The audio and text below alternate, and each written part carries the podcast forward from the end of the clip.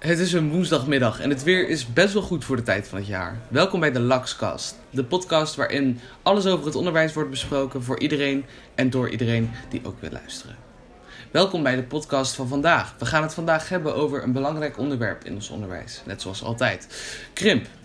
Leerlingdaling is een groot probleem. Het zorgt ervoor dat scholen sluiten, waardoor leerlingen in heel veel gevallen in de knel komen.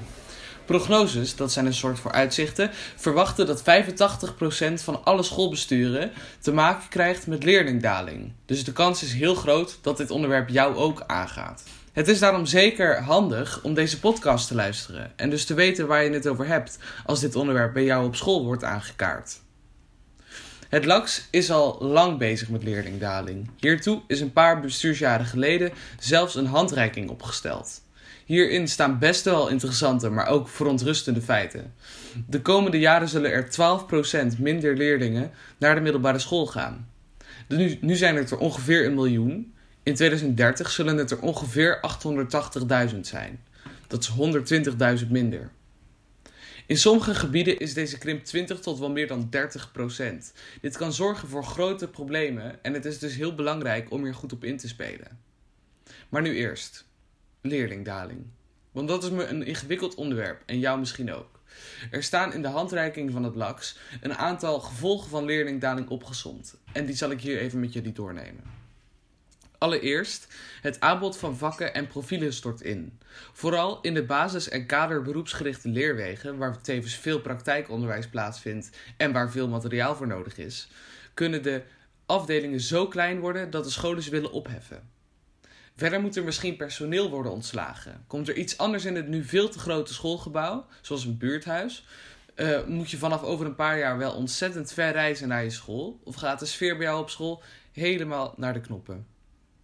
Ik heb hier zelf ook mee te maken gehad. De twee scholen in mijn thuisstad zijn in de afgelopen jaren gefuseerd. En dat heeft ertoe geleid dat het onderwijs lange tijd ondermaats was. Maar in elke stad en in elk gebied zijn de gevolgen van krimp anders. Denk bijvoorbeeld eens aan het Waddeneiland Schiermonnikoog. Hier kunnen leerlingen op het eiland wel naar een MAVO-school, maar het is al een stuk moeilijker een ander niveau te volgen. Stel je voor dat je elke schooldag drie kwartier met een ferry van je eiland naar het vasteland moet reizen.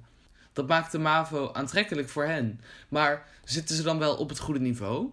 En hoe zien die problemen er anders uit? En wat voor oplossingen zijn er?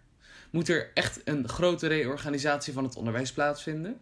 Moeten scholen in krimpgebieden wettelijk alle niveaus gaan vertegenwoordigen? Wat kan er allemaal nog meer gebeuren om het onderwijs in Nederland te verbeteren? De antwoorden op al deze vragen ga ik met jullie proberen te vinden in de komende krimp- en fusieserie van het podcast van het LAX. Ik ga langs op verschillende scholen en praten met mensen in verschillende posities in ons onderwijs om een zo breed mogelijk beeld te maken. Weet jij voortaan ook waar we mee te maken krijgen de komende tijd? Luister dus vooral naar de komende podcastserie en laat je meeslepen in de intrigerende verhalen die Krimp ook met zich mee kan brengen.